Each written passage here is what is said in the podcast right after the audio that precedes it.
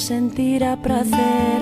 As mulleres que cantan e as que se levantan Dan ya vida un porqué. Eh,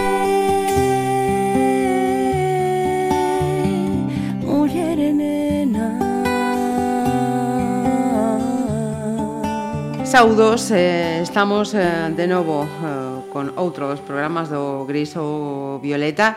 Eh, en principio, mm, rematamos, agardemos que sexa un punto de seguido neste mes de decembro. Eh, hoxe imos a falar eh, dunha parroquia en concreto. Lamentablemente, polos eh, sucesos eh, acaídos en, en Salcedo dende finais do século XIX e tamén na década dos 30 a partir dese golpe do, do 36.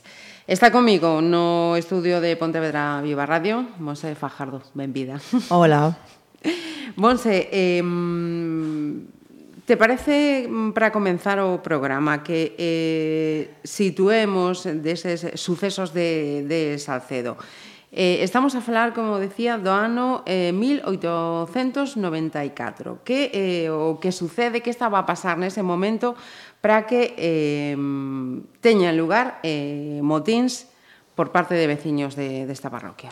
Sí, bueno, estánse producindo nese momento motíns en todo o Concello de Pontevedra, que pasa que ese de 1894, o motín do Campo da Porta, quizáis o máis, o máis sonado, non? porque tivo e varias persoas feridas e tres vítimas mortais. Que está sucedendo ese momento? Pois estamos, como ti decías, a finais do século XIX, uh -huh. eh, con, cun sistema caciquil, cunha alternancia no poder de Cánovas e Sagasta no poder, digamos, estatal, é un sistema moi caciquil onde o campesiña, campesiñado, a xente obreira, pois estaba eh, pasando verdaderas penurias para sacar a, adiante a familia.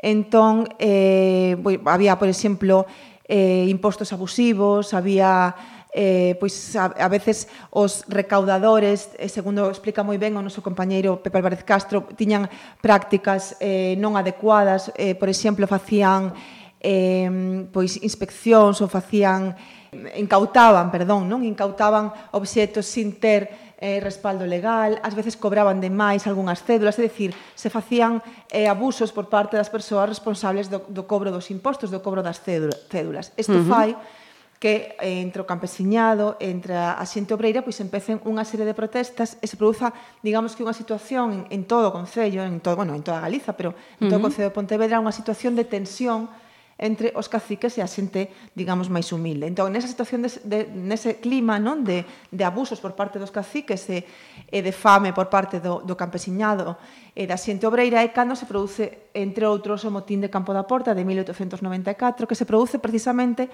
por eso, por eso que estábamos a, a falar, non? Uh -huh. que, que a xente se nega ao embargo eh, dunha vaca e dun pote de caldo, fixade vos, o sea, o importante que era naquele momento para unha familia, uh -huh. unha vaca e un pote de caldo, pero que non deixaba de ser un pote de caldo, pois uh -huh. eh, non, eh, hai unha, unha débeda dunhas cédulas que eran aproximadamente 60 pestas daquela, entón os axentes de arbitrios van a, a intentar embargar a unha familia unha vaca e un, e un pote de caldo. En, os veciños, eh, chamados din que por bucinas, xuntanse e eh, impiden aos axentes de arbitrio facer o embargo parecido un pouco non? a que ahora, a que ahora vemos a mellor con stop desahucios en uh -huh. outro contexto, impídenlle eh, eh, digamos que corren a gorrazos non aos, aos xentes de arbitrios. Entón a Garda Civil vai no rescate deses asentes e se produce un enfrentamento entre a Garda Civil e os veciños, a veciñanza, veciños e veciñas, que acaba pois con varias persoas feridas uh -huh. e con tres persoas falecidas, non? Que son Francisco Piñeiro, José Rodríguez Rial e Manuela Couso, que era unha muller que no momento en que lle disparan tiña un neno no colo e que ademais estaba embarazada, segundo algunhas das, das documentación que manexa Pepe, que toda esta, toda esta historia uh -huh. non la conta Pepe Álvarez Castro, pois estaba embarazada de case sete meses, non? Entón, hai varios veciños da parroquia que van ao, ao posto da Garda Civil a denunciar estes feitos, a denunciar o que consideraban un abuso por parte dos axentes contra a veciñanza, e, e quedan detidos. Non só non, non consiguen uh -huh eh, nada, sino que, que quedan detidos, ¿no? Pois o alcalde de Barrio de Entón, Manuel Gallego, José Blanco Pintos, Ignacio Pintos Acuña, Manuel González, José Carabelos, Manuel Rial e tamén Benito García, que é acusado de ser un dos que tocou a bocina para chamar a xente. Uh -huh. Eso, como sabes, queda en nada, porque... Uh -huh se produce despois unha, digamos, pois unha mobilización por parte de, dos xornais que Claro, eh, hai unha hai unha resposta eh colectiva eh dende varios frentes, ¿no? Xornalistas eh que que re, reflicten eh, no, no, nos seus eh, xornais eh situacións a favor da, da, da tesitura, do, do feito polos eh, veciños. Veciños que, que abren eh, axudas uh -huh. eh, para estas eh, familias. O Concello tamén creo que nove, eh, nomea unha comisión para que investigue o suceso uh -huh. e finalmente con tres eh, mortos eh, no, no camiño, eh, dito uh -huh. así de, de forma un pouco frívola, eh, dicta a liberdade que... para Efectivamente, pero estas, eh, nos podemos facer un pouco a idea, me gustaría que, que un, un dos xornais non que sacou información foi a correspondencia gallega e decía os campesiños de Salcedo non eran responsables nen tiñan a máis insignificante culpa dos feitos. Se opusieran e amotinaran cheos de razón e orfos de xustiza porque xa non se trataba do cobro dun imposto ilesítimo senón das expoliacións e dos robos máis escandalosos é dicir, era unha situación non na que a propia prensa recoñecía que os caciques estaban levando ao campesiñado e a xente obreira pois a unha situación límite. Uh -huh. Entón, nese contexto onde se produce o, eh, o motín de, de Campo da Porta e tamén pois, é un pouco, digamos que un primeiro avance do loitadora que era a veciñanza de Salcedo, que uh -huh. seguiu sendo non? Do, do que se implicou dende o principio no movimento asociativo o que levou, o que explica despois moitas das cousas que pasaron a raíz do golpe do 36, non? Ajá. Eh, antes de, de pasar precisamente a, a, o que sucede no, no 36, falábamos antes de Manuela Couso, que creo que pasa por ser a primeira víctima eh, feminina do movimento asociativo, non?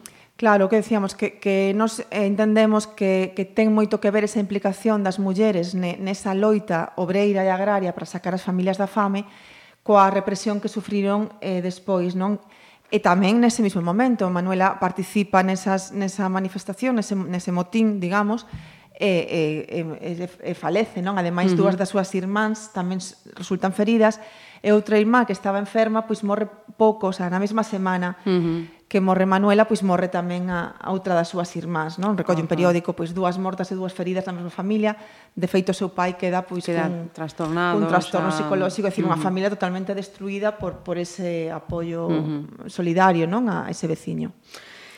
Eh, hai que engadir outro dato hablando do, do asociacionismo que xa comentara aquí Xosé Álvarez que era eh, a importancia e o papel da, das sociedades agrarias no? aquí en Salcedo, falaba tamén de Lérez, Lérez. e de, de Campañón, ¿no? tres parroquias moi marcadas. Tamén, sí, son... eh, Mourente, entonces, en lugar de, de Campañón, perdón.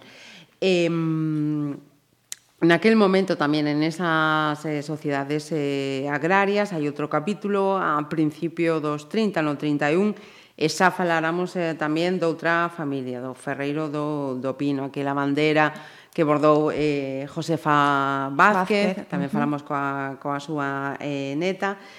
Eh, situamos agora no, no 36, e ti decías precisamente estes antecedentes, esa participación, ese movimento asociativo eh, dos veciños e das veciñas de Salcedo fan que unha vez que ten ocurrido ese golpe, a, a represión, a represalias tamén eh, sacudan de forma moi importante en moitas familias desta parroquia. Claro, porque precisamente nese momento de volvendo, non, a finais do século XIX, eh empezan a xurdir movimentos, o republicanismo, o socialismo que utilizan, digamos, a situación para decirlle aos campesiños tendes que unirvos como fixo como fixeron os obreiros, non? Eh, intentan que haxa un movimento agrario e consiguen que haxa un movimento agrario similar ao movimento obreiro. Entón, en Salcedo por que eso triunfa? Porque en Salcedo moitas familias tiñan esa doble condición de campesiñas e obreiras. Entón, veían que o movimento obreiro estaba cadando melloras gracias á unión das, das persoas, entón, pois tamén se producen as sociedades agrarias que ven sendo un pouco mesmo, non? Uh -huh. A unión do campesinado para intentar conseguir mellores prezos, tamén vemos sociedades agrarias pois, que, que empezan a, a mercar produtos en grupo para que les hagan máis baratos, comprando máis, o sabemos que, que hai unha, unha unión de, do campesiñado para conseguir mellorar a súa vida, non? Uh -huh. Entón, eh, Como, como podemos mellorar a vida do campesinado? Din eles cando chegan non, ao principio xa do século XX, pois meténdonos en política. E aí temos, por exemplo, a José Gallego Acuña, uh -huh. que no, en 1931 eh, é concelleiro no Concello de Pontevedra por ese, non, por ese movimento agrario agrario obreiro, pola coalición agraria obreira e é un das víctimas mortais, digamos, dos represaliados dos, das persoas asasinadas despois do golpe de Estado do 36. Porque nos incidimos moito en que ven a ser o mesmo, e contra que loitaba ese golpe de Estado, porque nos quixeron vender durante anos que había unha situación de caos, o que había era un, un intento do campesiñado, da xente obreira, da xente máis humilde, de sair da miseria, non? Uh -huh. Entón, asociándose co movimento obreiro, co movimento agrario, e contra esa loita obreira da agraria e contra que contra que pelexa o golpe de estado. Uh -huh. Entón, cales son as zonas máis represaliadas? Pois as zonas onde ese movimento, como ti dicías, Leres, Mourente e Salcedo, onde ese movimento fora o máis forte. Uh -huh. E, por exemplo, ese exemplo que poñamos de José Gagallego Acuña, pois xa en agosto do 36 o sacan da súa casa, e, e din que o torturan durante dous días e aparece o seu cadáver mutilado en, en Ponte Pequena de Ponte Sampaio, do, pois, eso, dous días despois de ilo buscar. Non? Uh -huh. El, de feito, o, o home da súa filla, eh, Emilio Méndez, tamén é unha persona tamén bastante significada, fuxe ao monte e dille a el, non, vente comigo que van ir por ti, el di non somos coellos, que van facer, non nos van matar. Estamos falando de, claro, de agosto, dos, dos finais de suyo, principios de agosto, uh -huh. dos primeiros días despois do golpe de estado. Golpe. Bueno, pois El é unha non a primeira, pero pero unha das primeiras víctimas do golpe de estado, non xa en agosto, pois é, é paseado, que uh -huh. como se coñece. A súa muller o día que van buscar di van de noite, di que horas son, e, vai, vamos levalo, o que decían sempre, no? Vamos a levalo a facer unha pequena declaración e se a volve. Ela dille di que esas non son horas de facer unha declaración a ninguén e peganlle unha malleira, lle mancan o fígado e ela morre uns meses despois desa doenza do fígado, bueno, uns anos despois, pero uh -huh. en, en un plazo pequeno.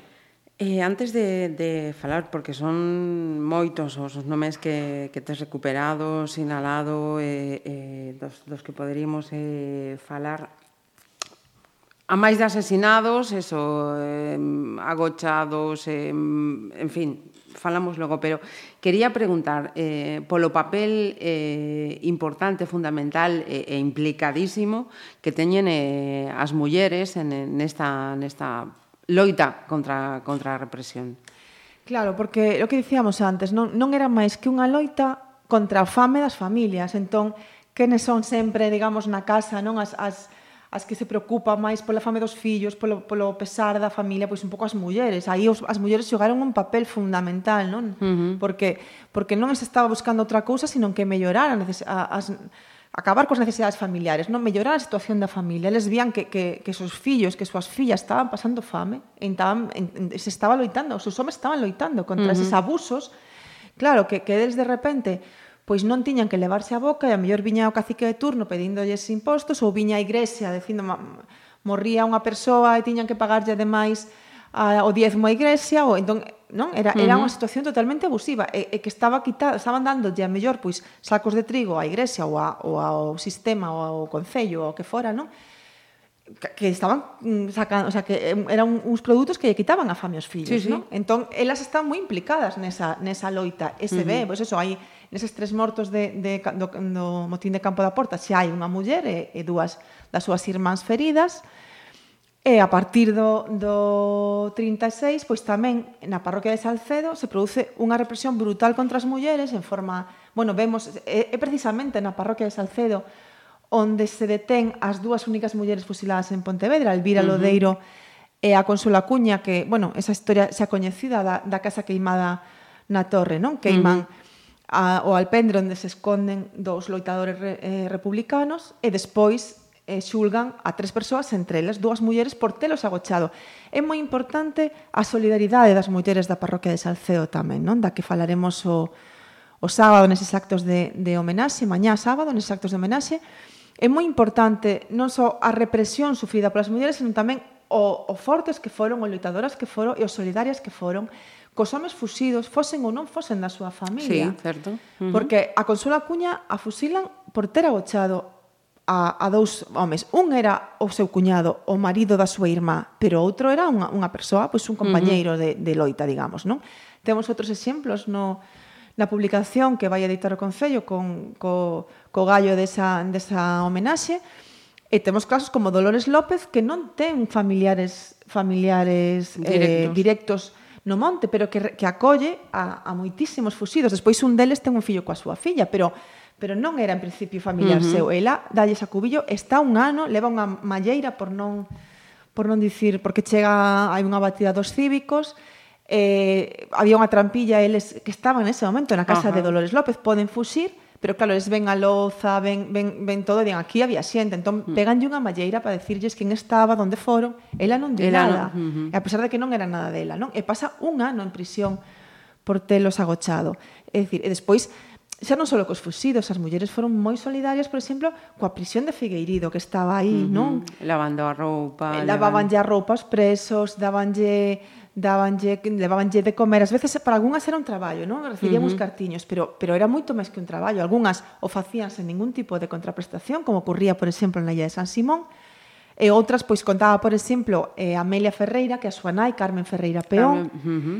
pois, que, que lavaba roupa e, e, eh, bueno, lle facía así encargos aos, aos presos cobrando, pero despois, se na, nesa casa se facía unha roscas, nin se si nesa casa se facía unha empanada, sempre había algo para intentar quitarlle a fame aos presos. De feito, nalgúnas desas casas que visitamos, eh, seguía vendo recordos dos presos, non? Na casa de, de Lali Carro, que, uh -huh. que dunha familia, da familia Sobral, por parte da súa nai, tamén moi represaliada, unha familia de, de Salcedo tamén que sofreu moi fondamente a represión, o seu tío é asesinado, a súa tía é rapada, E, ela despois casa con outro dos fusidos nesa cuadrilla, no? con Pastor Torres. Ben, pois, pois tanto Lali como seu pai Sabrino carro eh, prestaron moitísimas axudas aos presos de Figueirido e cando fomos visitar a Lali, que faleceu recentemente, cando fomos visitala, pois tiña na mesa do, da sala onde estivemos pois unha caixiña co seu nome que tatuara non pois un, un republicano uh -huh. asturiano que ela axudara. Non? E hai moitas, contaba Amelia, que ella, a ela lle facían tamén pulseiriñas, e, que guarda moitos recordos uh -huh. que,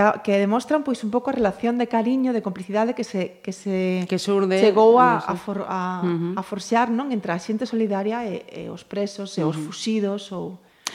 Chámame unha, unha cousa, bueno, moitas cousas a atención, pero mm, mm no que respecta a túa parte coa cantidade de nomes, de homes, de mulleres e situacións que podas eh, eh, citar con nomes e apelidos cada un e situar eh, o neto, o curmán, a irmá, o tío, o, o pai. Mm. Bueno, ao principio lioso, sobre todo porque na, nos encontramos con que na, na mm, parroquia de Salcedo hai moitísimos eh, apelidos que se repiten. Había, había dous Manuel Méndez asasinados, eh, os Acuña, os Montes, son apelidos que se van repetindo outra vez. Ao principio, cando chegas de nova, non? Pois, o sea, de novo ali, empezas uh -huh. a preguntar, nós tamén tiñamos lío, pero este Manuel Méndez, non? De feito, había lío entre os propios veciños de Salcedo que te decían, non, Manuel Méndez, o irmán de Emilio, e morreu na casa queimada, non era verdade, o seu irmán o pasearan, era o seu un, un tío, da, o sea, un primo da súa nai o que morrera ali, pero coincidían, chamábase Manuel Méndez os dous.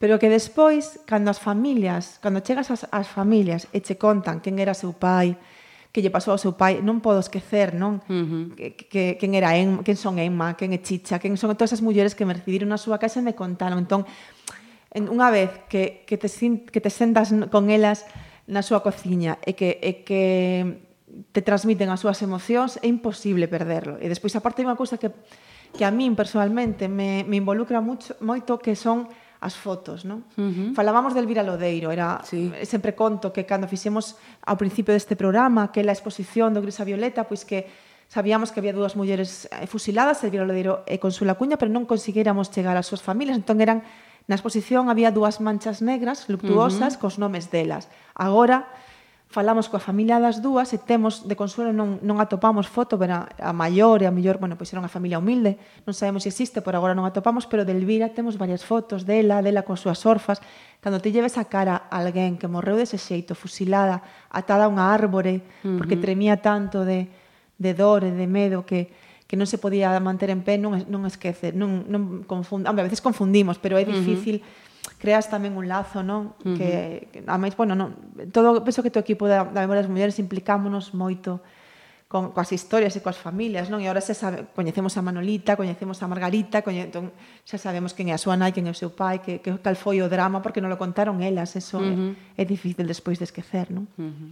Eh, sinalabas, Monse, eh, ese acto de homenaxe deste sábado 16. Eh, onde vai ser, en que vai consistir? Contanos, por favor. Si, sí, este mañán, 17 de decembro, sábado. 17, 17 yo 16. Decembro, sí, sí, hoxe 16, mañán 17.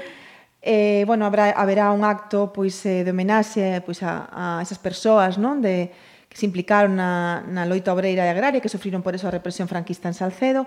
Entón, as 11, Eh, quedamos na esplanada de acceso á torre, precisamente, ali moi pretiño desa casa queimada da que falábamos onde que causou despois a morte de cinco asasinato de cinco persoas. Uh -huh. Ás 11 da mañán iniciaremos un pequeno roteiro da memoria nos lugares da Ruibal e da Torre, por esa, en esa casa onde vivía tamén José Gallego, onde quitaron a José Gallego, bueno, un pequeno roteiro da memoria por eses lugares eh, de Salcedo. Quedamos ás 11 da mañán para os interesados e interesadas na esplanada de acceso á torre. A continuación, ás 12 menos cuarto, verá unha ofrenda eh, no cemiterio parroquial as víctimas con música, con candeas, con flores e despois nos trasladaremos a, a Casa Verde de Salcedo para iniciar un auto público de homenaxe ás 12 e cuarto con que un acto co que pecharemos un pouco pois, todo este mes e medio de memoria non que coincidindo co 80 aniversario do golpe pois celebrou o Concello de Pontevedra uh -huh. e a Concellería de Patrimonio de Luis Bará pois para todas as víctimas cumpríndose 80 anos do, do inicio do golpe de Estado. Uh -huh.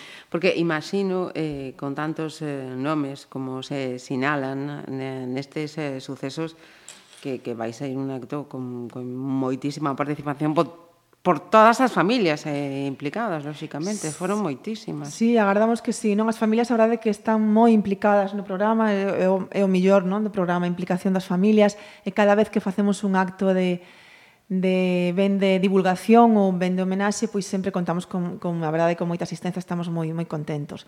E, e creemos que sí, porque Salcedo é unha zona aí moi... Uh -huh moi represaliada, a nosa compi María Xosé de, do Concello chamou a todas as familias persoalmente para informalas da, da, do da programa de actividades uh -huh. e, e penso que sí, que van a estar Ademais van, van a intervir uh -huh. eh, eh, membros de varias familias, penso que vai ser un acto bonito, emotivo e uh -huh.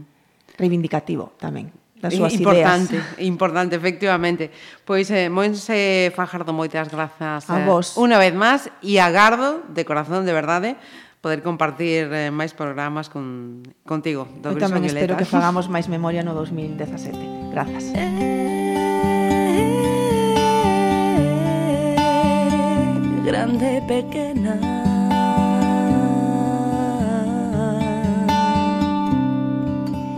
Eh,